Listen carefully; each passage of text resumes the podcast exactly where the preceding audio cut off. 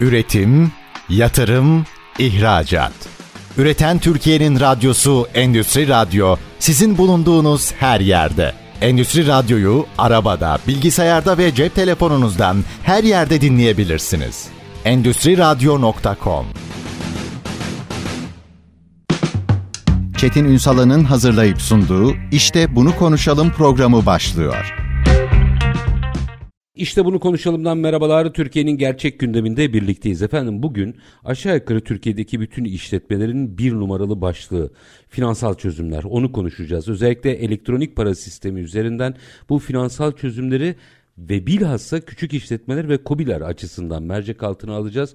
Çünkü e, birçoğunun bu konuda problem yaşadığını biliyoruz. Nasıl çözülebilir? Bunun metodolojileri nelerdir? Hepsini mercek altına alacağız. Bugünkü konuğumuz Ozan Elektronik Para Yönetim Kurulu üyesi Tarık Onat. Sayın Onat iyi akşamlar efendim. İyi akşamlar. Üstad galiba bugünlerde finansal çözüm dediğimizde herkes kulak kabartıyor. Herkesin derdi bu galiba. Birincisi bu konuyla ilgili gördüğünüz fotoğrafı bir bizimle paylaşmanızı rica edeceğim. Ondan sonra aşama aşama biraz açacağım konuyu. Tabii ki. Valla dediğinizde çok haklısınız. Özellikle son 10 senedir 64-93 numaralı kanun çıktıktan sonra bu ödeme sistemlerine olan ilgi ve alaka e, sermayenin hareketi anlamında da arttı. E bu da şeyde biraz finansal okur yazarlığı arttırdı sanıyorum bu konuyla ilgili. Hı hı. Bütün dünyadaki fintech rüzgarı Türkiye'de de yoğun bir şekilde esmeye başlayınca gerçekten herkesin gözü kulağı artık e, bu işlerde ödeme sistemlerinde, ödeme çözümlerinde, elektronik para e, işlerinde olmaya başladı.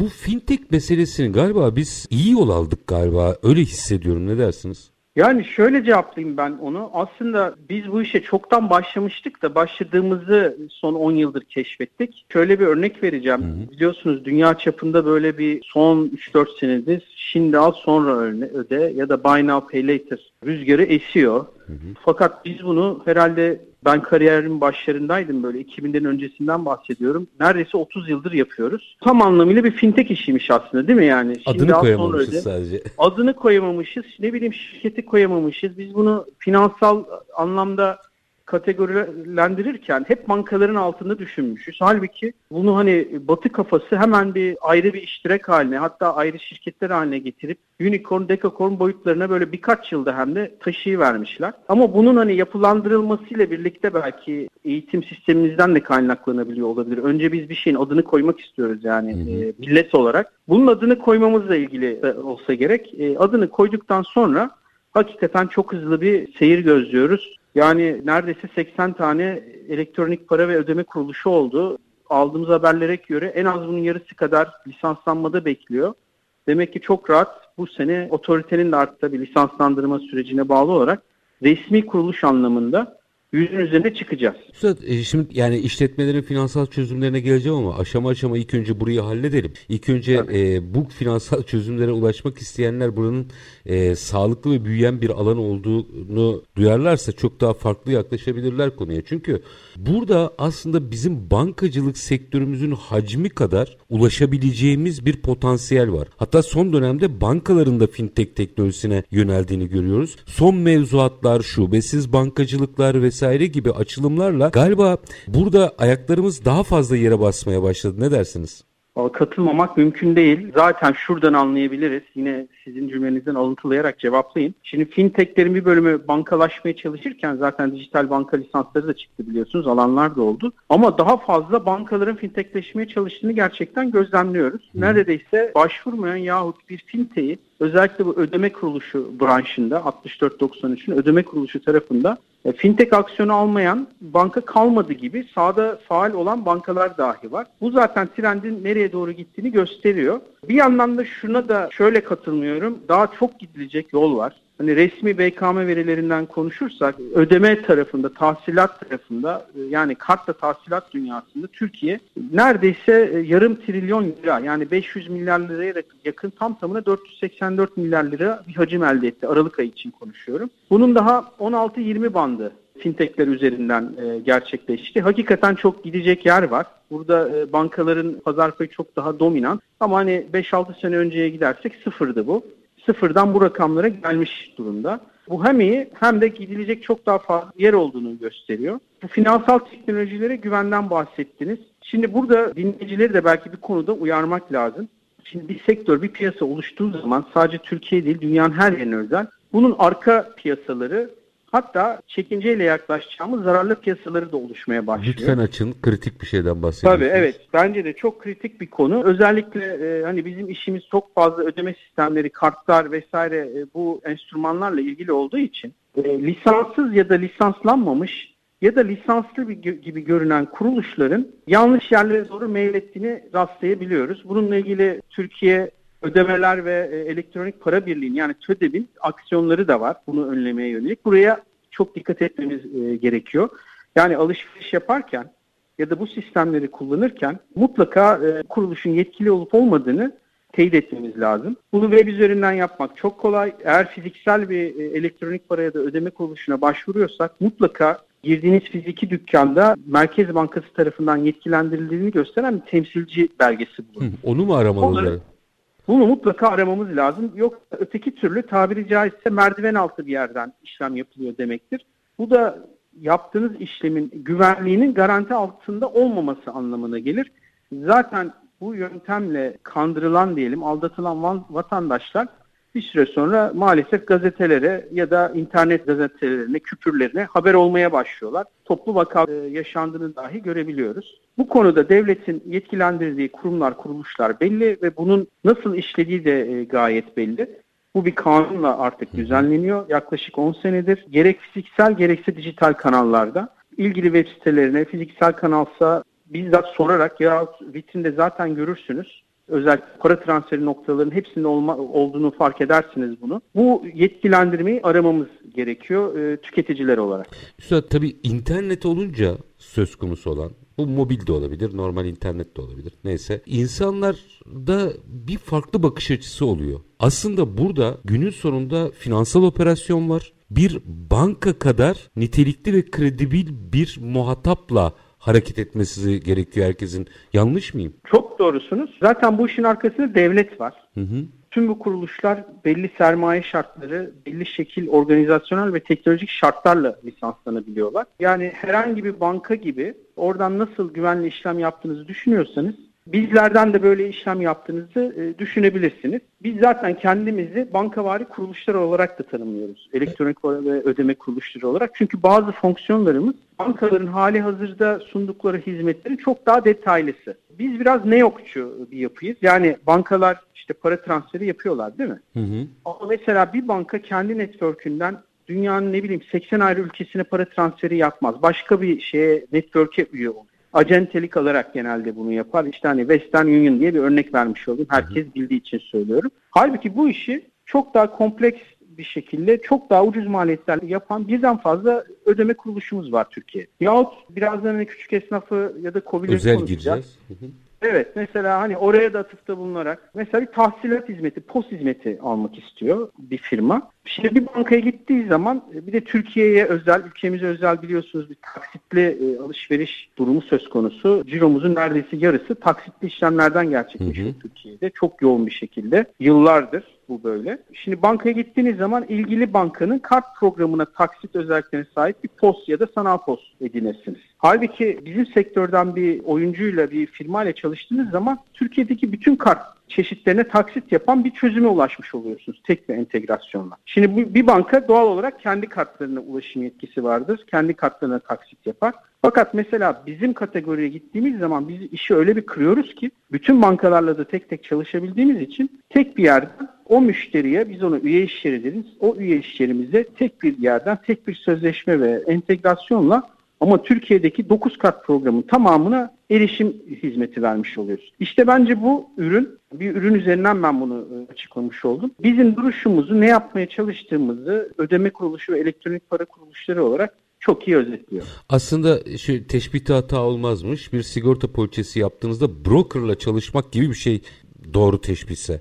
Gerçekten benzetebiliriz. O broker size birden fazla sigorta şirketine erişim imkanı verir. Hatta bir de fiyat avantajı sunar. Hı hı. Aslında biz de biraz öyle yapıyoruz ama bizim sunduğumuz avantaj aslında fiyat değil. Fiyat avantajlardan sadece bir tanesi. Biz teknolojik ve operasyon bir avant operasyonel bir avantaj sunmuş oluyoruz. Tek bir entegrasyonla 9 ayrı kurumla çalışmanın zahmetinden kurtuluyorsunuz. Şimdi o meseleyi biraz daha açacağım ama bir 3 e, dakika sonra araya gideceğim. O yüzden bu konu e, tamamlamak adına bir şey sorayım. E, şimdi tabii ismini zikredemeyeceğim rütük gereği ama şöyle bir background'unuza baktığımda siz geleneksel bankacılıktan geliyorsunuz. İlk sizde bu iş farklı olmalı deyip fintech'e yönlendiren kırılma ne oldu? Valla ne oldu? Kosova olayı oldu bence. Şimdi Kosova Türkiye'ye çok yakın bir ülkedir. Üçte birini Türkçe konuştu. Orada e, bizim taksit kart programlarının birini biz oraya taşımıştık. Fark bambaşka bir isimle. Hı hı. Ve şu an ülkenin hakim bir konumu haline geldi. Ben ilk orada tabiri caizse o aydınlanmayı yaşadım. Yani dedim ki demek ki biz bu işi bir e,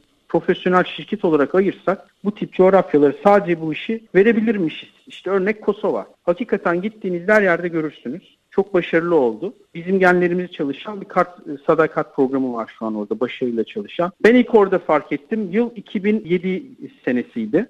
2007 senesinde bu e, proje hayata geçmişti. Ondan sonrasında da zaten hani o yıllardan sonra da gitgide galiba bu fintech meselesi ivmesini arttırarak yürüyor. Araya gitmeden önce şunun da tanımını alayım ki aranın ardından açabileyim. Elektronik paranın ne demek olduğunu çözebildik mi? Ya bu, bu büyük bir bilmeceymiş gibi konuşuluyor ama yıllardır hepimiz kredi kartı kullanıyoruz ve parayı görmeden para yollayıp para alıyoruz. Valla çok güzel bir soru. Şimdi elektronik para deyince böyle insanın kulağına havalı bir şeymiş gibi e, geliyor. Ben bunu basitleştirip söylemeye çalışayım. Yani elektronik para kullandığımızda biz aslında neyi kullanmış oluyoruz? Elektronik para dediğimiz kavram yine bu dediğim kanunla düzenlenen, devletin denetimi altına e, giren sizi herhangi bir finans kurumu içerisinde, banka dışı finans kurumu içerisinde dijital cüzdan, ya da ön ödemeli kart dediğimiz hizmetlere ulaştıran bir banka müşterisi olmadan hatta yine aynı kanun yönetmelikleriyle düzenlenerek oturduğunuz yerden kişiselleştirme yapabileceğiniz, böylece yani yüz binlerce liralık bir finansal hareket yaratabileceğiniz bir kişiselleştirme imkanı sağlayan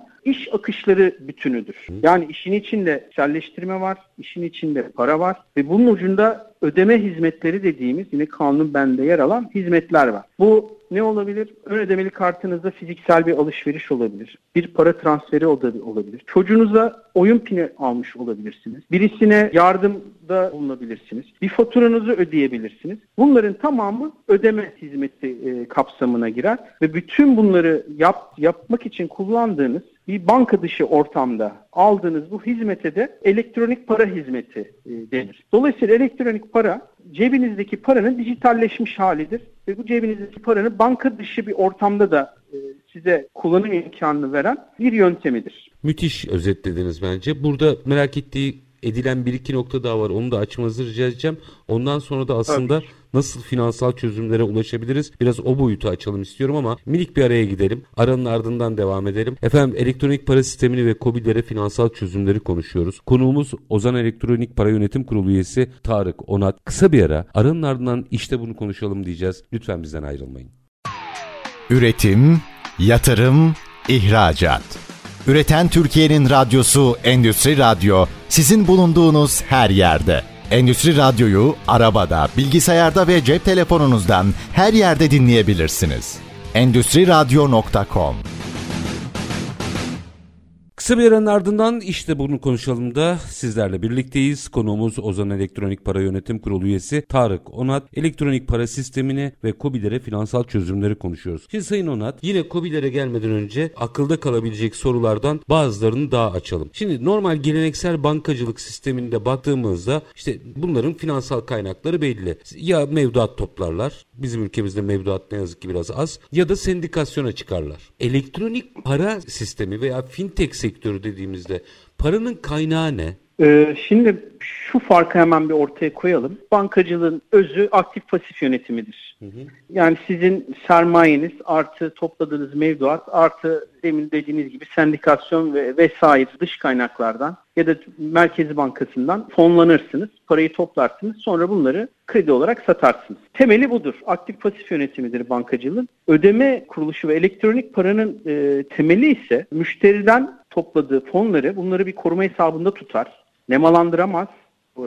Hı hı. E, direkt bir nemalandırma yoktur. Bu fonları ödeme hizmeti veya ödeme enstrümanlarında kullanmak ve bunun üzerinden gelir elde etmek üzerinden gider. Yani bir kredilendirme söz konusu değildir. Hı hı. En büyük farkı budur. Yani şöyle anlatalım. En basit örnek para transferi.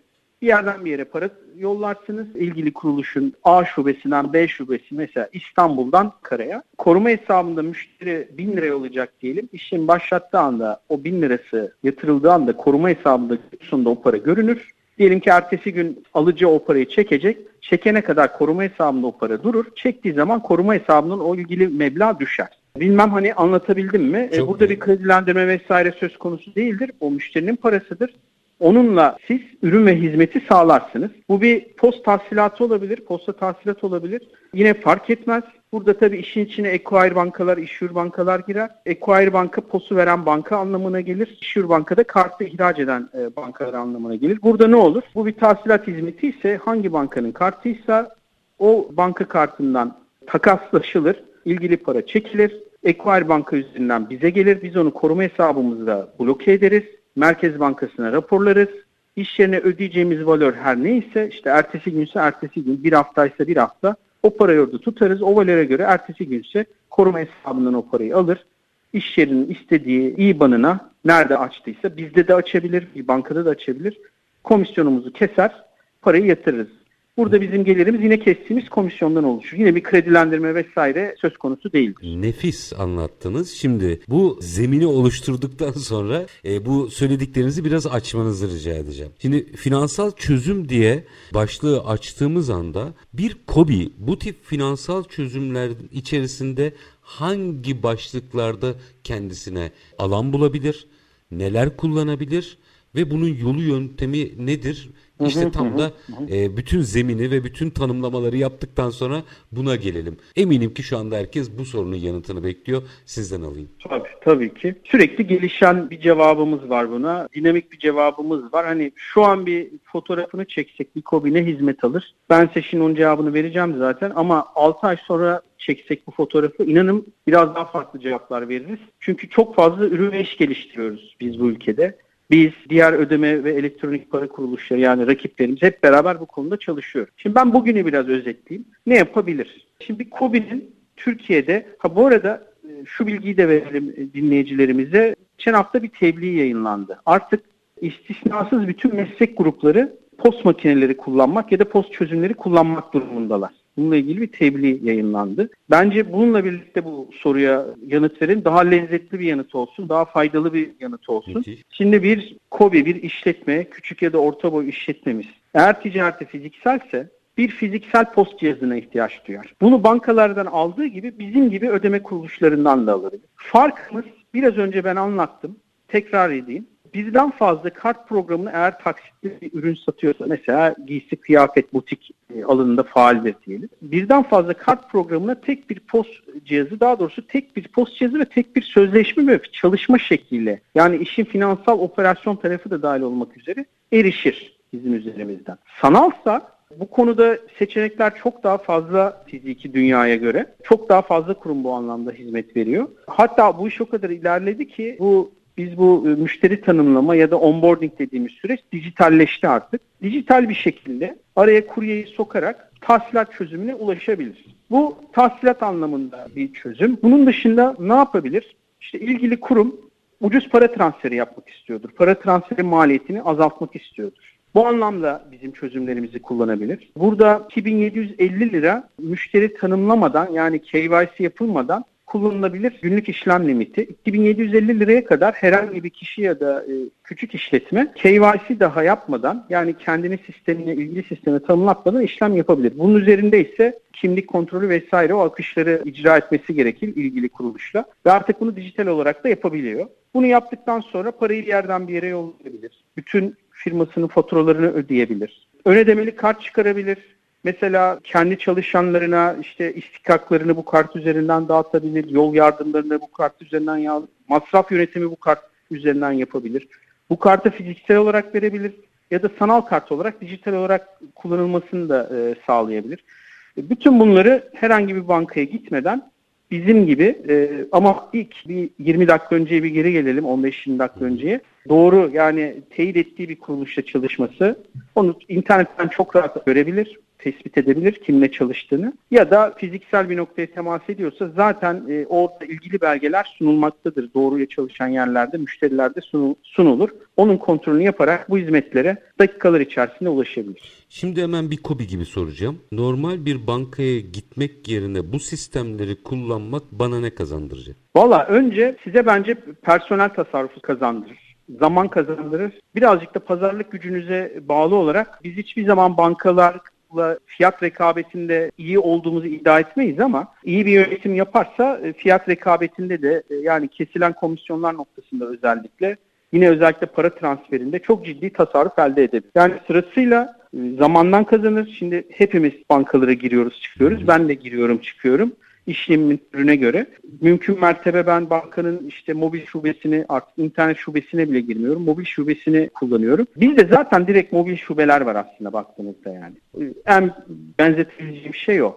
Fakat Türkiye'de bir süper app mantığı da geliştiği için mesela bir bankanın şubesinden siz çocuğunuzu oyun pini alamazsınız. Değil mi? Yani banka çünkü oyun pini satmaz. Ama bir elektronik para çözümü, bir wallet çözümü, e, Türkiye'de bir sürü wallet örneği var, bizim de var. Girdiğinizde mesela bu imkanlardan bol bol faydalanabilirsiniz. Bunun gibi faydaları tek bir yerden sağlamak istiyorsanız çok rahatlıkla başvurabilirsiniz. Diğer bir konu bize özel devletin getirdiği önemli bir uygulama var. Özellikle bireylere yönelik. Oturduğunuz yerden hani resminizi çekip onun kuralları bellidir. Herhangi bir cüzdan uygulamasında zaten sizi o adımlardan geçirir. Ne dediğimizi dinleyiciler çok iyi anlayacak. Bir tane denesinler yeterli. Oturduğunuz yerden hani bizim ortalamamız 3,5 dakika. 3,5 dakikada müşteri oluyorsunuz. Hani onu imzalayayım, bunu imzalayayım, işte kaşe gelsin, onu oraya şey yapayım, işte tarayalım, sisteme koyalım falan filan. Öyle bir şey yok. Tamamen dijitalleşmiş durumda e, bizim tarafta bu işler. 3,5-4 dakikada, hadi diyelim ki 5 dakikada oturduğunuz yerden bütün finansal sisteme ulaşabiliyorsunuz. Dünyanın her yerinde alışveriş yapabilme imkanına sahip oluyorsunuz. Türkiye'nin her yerine para yollayabiliyorsunuz. Bunlar bugünkü gelişmeler. Şimdi gelecekte ne olacak? Biz de üzerinde çalışıyoruz. Sektör de çalışıyor.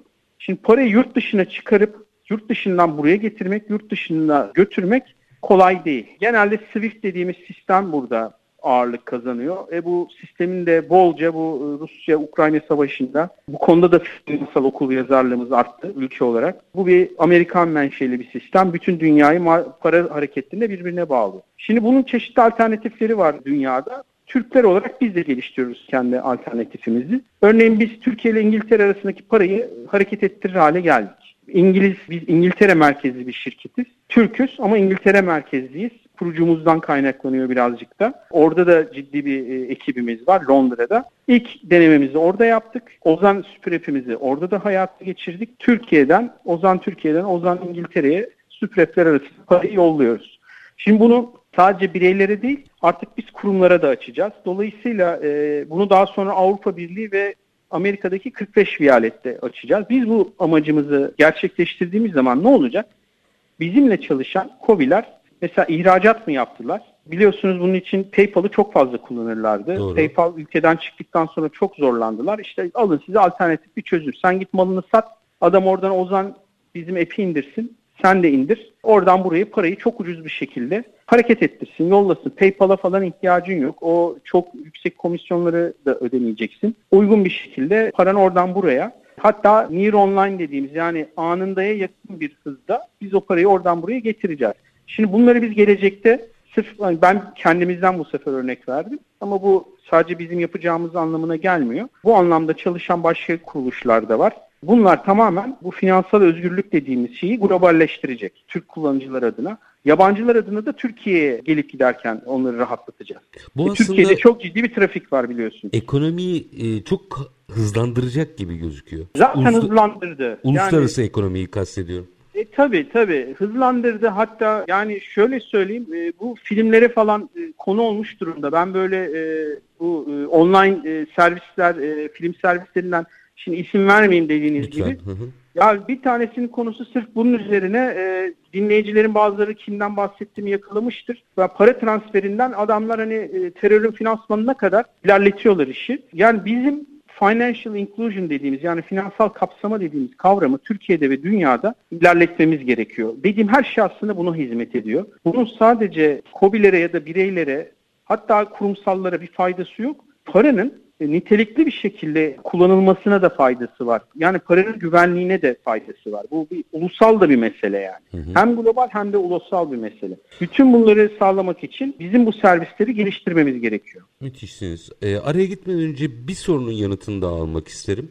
E, bütün bu operasyonun içerisinde yer almak isteyen bir kurumsalları bir kenara koyuyorum. Hı hı. E, yani onların finans departmanları var. Zaten bu konuyla ilgili uzman muhataplarınız var vesaire. Küçük ve orta boy işletmeler e, dahil. En azından minimum bir dijital altyapıya gelmiş olması gerekiyor mu? Hani onların nasıl bir ortam hazırlaması gerekir?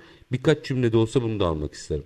Şimdi bu soruya da şöyle e, anlatalım. Şimdi iş modeline göre tabii ki bu değişir. Şüphesiz. Örneğin online satış yapmak isteyen bir e, Kobimizse bu. E bir, bir web sitesinin olması lazım ilk başta. Web sitesini hazırladıktan sonra burada birçok outsource firma var. Yani dış kaynak kullandıran bu konuda altyapı desteği veren firma var. Onlardan destek alabilir. Kendisi de geliştirebilir yahut bir yazılımcıdan destek alabilir. Yani minimum satış için mesela elektronik ticaret için bir web sitesinin olması lazım. Orada en temel işte belli e, güvenlik şeyleri var, sertifikaları var. Zaten web sitesini oluştururken işte SSL gibi mesela bunları alması gerekiyor. Ondan sonra ödeme adımında dijitalden başvurarak çağrı merkezi, internet bu gibi kanallardan bizim alanımızdaki firmalardan birine, ödeme kuruluşlarından birine başvurarak ödeme işlemini bir iş günü içerisinde çözer. Daha fazla sürmez yani. Orada biraz teknik bilgi icap eder. Biz çünkü işimizi API'lerle yönetiyoruz artık. Bütün dünya böyle yönetiyor. Yani bu API'leri yönetebilecek, temel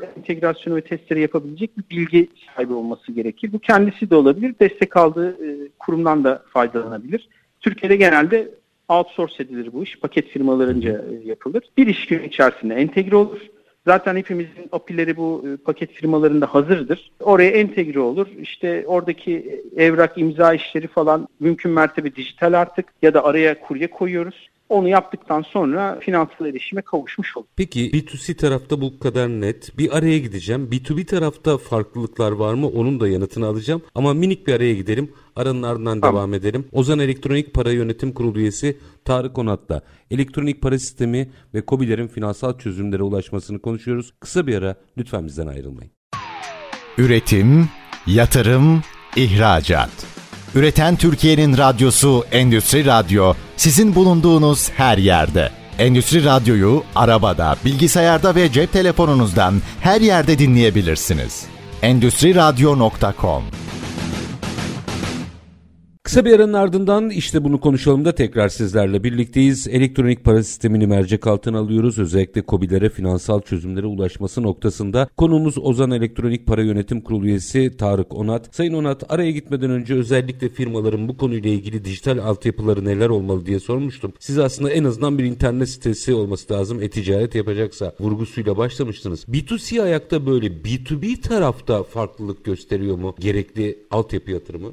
Şimdi B2B dediğimiz zaman işin boyutu biraz değişiyor. Yani iki kurum arasındaki finansal işlerden bahsediyoruz. Şimdi burada yine kredi enstrümanlarını kullanmadığımız için bir sektör olarak ve kanuni olarak daha çok açık bankacılık konusunda hizmetler veriyoruz. Hı hı. Biraz ben size bunu açayım. Lütfen. Neyi kastediyorum?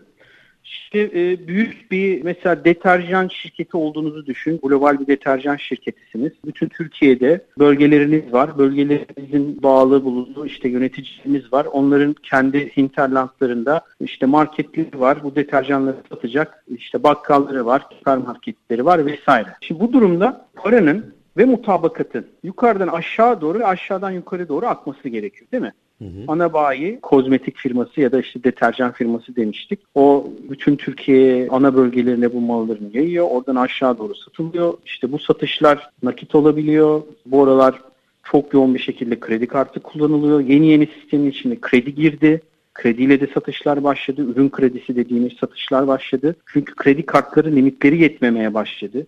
Ayın 25'inden sonra biz bu şikayetleri alırız kendi müşterilerimizden. İşte krediyle ödemek istiyoruz şeyleri bize gelir. Özellikle 25'inden sonra çünkü kredi kartlı limitleri dolu. Cari dediğimiz yöntem yani işte açığa, çekle, senetle vesaireyle yapılan satışlar Burada çok ciddi meblalar söz konusu. Aşağı doğru bu para dağılıyor, mallar satılıyor, faturalanıyor. Burada devletin vergi kaybına uğramaması lazım. Her bir işlemin faturalanması gerekiyor ve bütün bu şeyleri ERP dediğimiz bir sistemle bu firmaların kullandığı sistemlerle entegre etmeniz gerekiyor. Şimdi bütün bu hareketleri yönetmek için açık bankacılık çözümlerini sektör olarak sunmaya başladık. Bunun ucuna biraz önce anlattığım tahsilat çözümlerini koyuyoruz. İster bizimle çalışabilir, ister bankalarla çalışabilir, ister bizim diğer rakibimiz firmalarla çalışabilir. Kimden maliyet ve e, valör avantajı yani paranın eline geçeceği tarih avantajını bulursa firma onunla çalışır her zaman. Ama bu seçenekleri sizin ona sunuyor olmanız gerekir. Bütün bu işlemleri arka tarafta raporlayacak, muhasebesini, mutabakatını yapacak, entegrasyon ve raporlamaları da sağlamanız gerekir. İş B2B olduğu zaman boyut değiştiriyor adeta. Elektronik para dediğimiz kavramın yeterli olmadığını görüyoruz.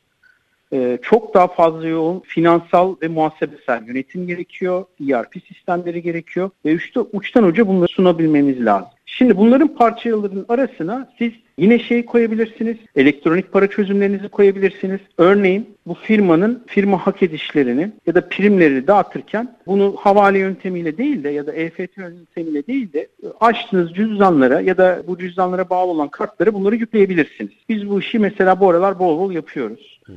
Kurumlar da bunu tercih ediyorlar. Çünkü hani nakit ya da para yollamak yerine kendilerine müşteri, bir müşteri sadakat programı gibi bunu konumlayabiliyorlar. Hoşlarına gidiyor. Dediğim gibi tahsilat çözümlerine bunu koyabilirsiniz. Sanal posta, fiziksel posta bu dünyayı desteklersiniz. Ödeme hizmeti dediğimiz başlığa girer bu sefer. Elektronik paradan çıkar. Ödeme hizmetine girer. Para transferlerini yaptırtabilirsiniz altyapınızla. Bunu apilerle yönettirebilirsiniz. Bu da bir ödeme hizmetidir. Buralarda dünya daha büyük fakat kanun bizi yetkilendirdiği ve bizim teknolojimizin, operasyonumuzun el verdiği ölçüde biz bir banka ve bazen bankadan fazlasını ürün olarak bu ortamlara sunarız. B2B dediğimiz ortamlar daha fazla böyle çalışıyor. Yani oradaki operasyonu çok farklı algılamak lazım. Sözlerinizden bunu anlıyorum. Kesinlikle. Çok daha kompleks bir operasyondan bahsediyoruz. Milyarlarca liradan bahsediyoruz firmanın boyutuna bağlı olarak. Milyarlarca lirayı yönetiyoruz böyle açık bankacılık uygulamalarımızı. Müthiş.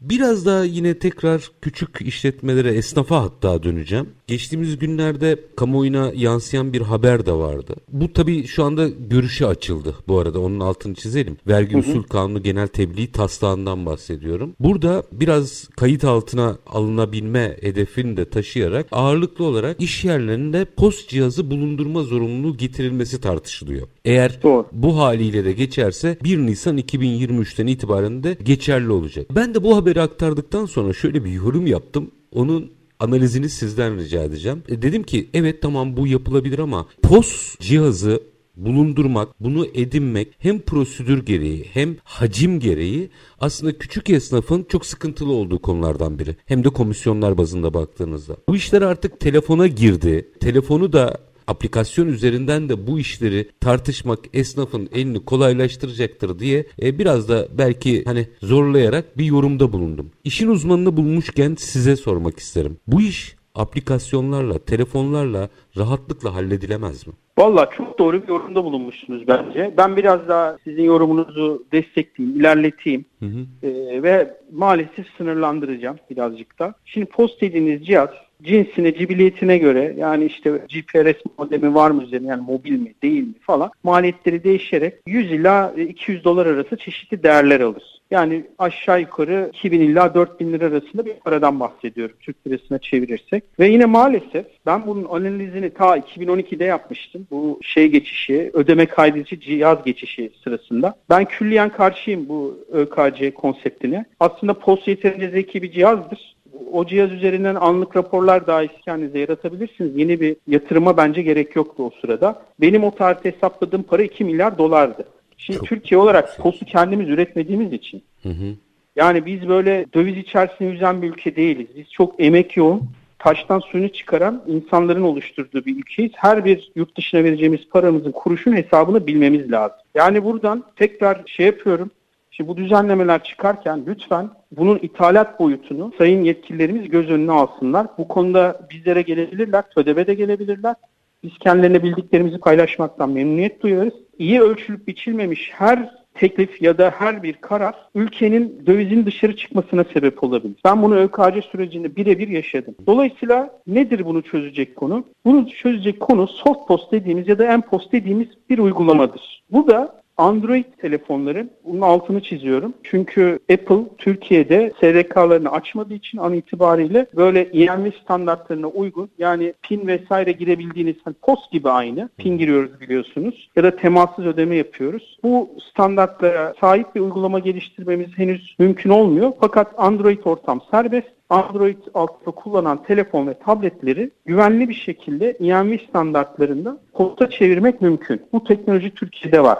Bana göre çözüm buradan geçiyor. Özellikle küçük esnaf için konuşuyorsak e, Android kullanımda yaygın olduğu için kendi cihazlarını bir kurumla anlaşarak posa çevirebilirler. Yine bankalardan faydalanabilirler ya da bizim gibi ödeme kuruluşları arasında elektronik aracılar arasında bu çözümü sunanlar var. Bu ne yapar? Bu en azından hani bir bakkalın kredi kartı cirosunun çok çok fazla olmayacağını varsayarsak o minimum 2000 liralık yatırımı yapıp bir de tabii 2000 lirayla da kalmıyor. Onun aylık işte TSM maliyeti diye yani biraz teknik tabir kullanıyorum. Kusuruma bakmayın lütfen. Ağzıma ağzıma yapışmış artık yılların getirdiği bir şey. Yani onun e, ne diyelim sürdürme, e, yürütme maliyetleri var, yaşatma maliyetleri var. Aylık işte sabit ücretler falan doğabiliyor.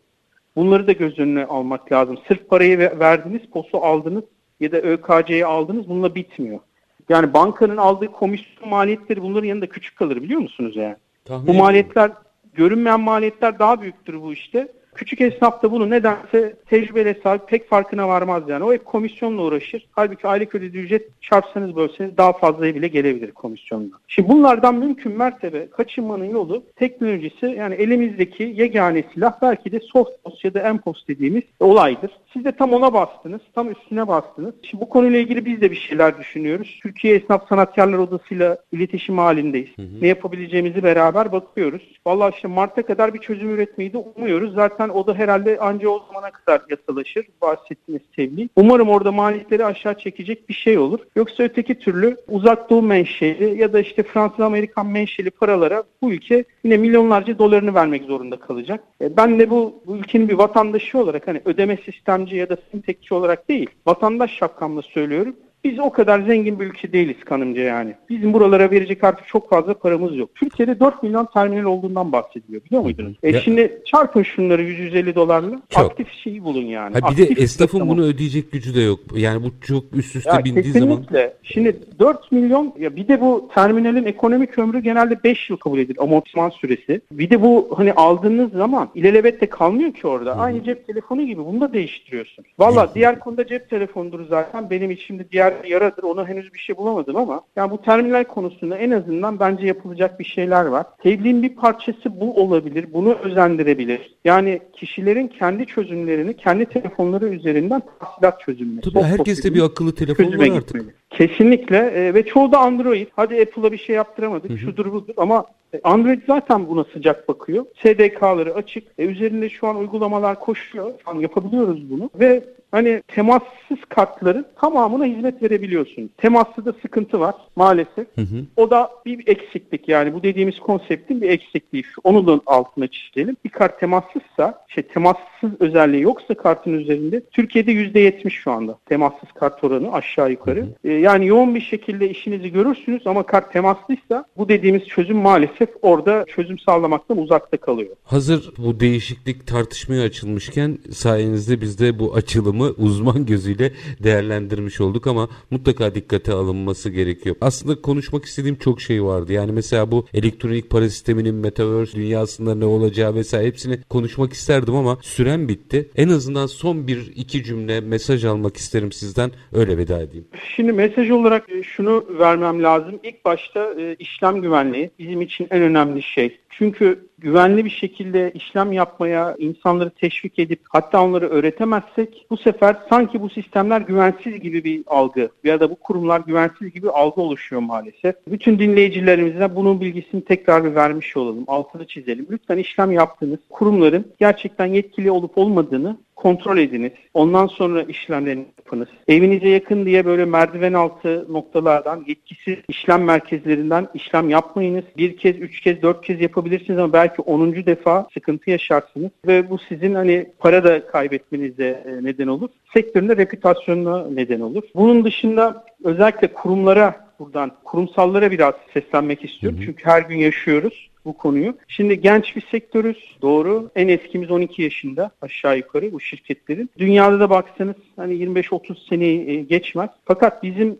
altyapımız genç değil. Yani e, oturmuş altyapılar kullanıyoruz. Hakimiz konulara sektör olarak. Birazcık burada ben ön yargı görebiliyorum. Büyük kurumsallardan özellikle. Bu ön yargıları kırmak lazım. Özellikle büyük büyükler birden fazla kurumla çalışırlar. Bunların arasına mutlaka bir iki tane elektronik para ya da ödeme kuruluşu çözümü katmalarında ben fayda görüyorum. Oradaki hızlı süreti görsünler. Şunu da unutmayalım. Bizim tek işimiz bu. Bankalardan farklı olarak. Bankalarından da işlerinden biri bu. Dolayısıyla bu hız ve kalite demek. Doğru bir ekip tarafından yönetildiği zaman. Bunu ülkemizin faydasını, kurumlarımızın faydasını, insanların faydasını kullanmak bence herkesin aklı ve önceliği olmalı. Yüreğinize sağlık Sayın Tarık Onat. Çok teşekkür ediyorum efendim. Rica ederim iyi yayınlar diliyorum. Var olunuz çok çok teşekkür ediyorum. Efendim biz bugün elektronik para sistemini ve COBİ'lerin finansal çözümlere ulaşmasının yollarını mercek altına aldık. Konuğumuz Ozan Elektronik Para Yönetim Kurulu üyesi Tarık Onat'tı. Çok açık mesajlar verdi. Hem faydalarını hem dikkat edilmesi gereken noktaları bizlerle paylaştı.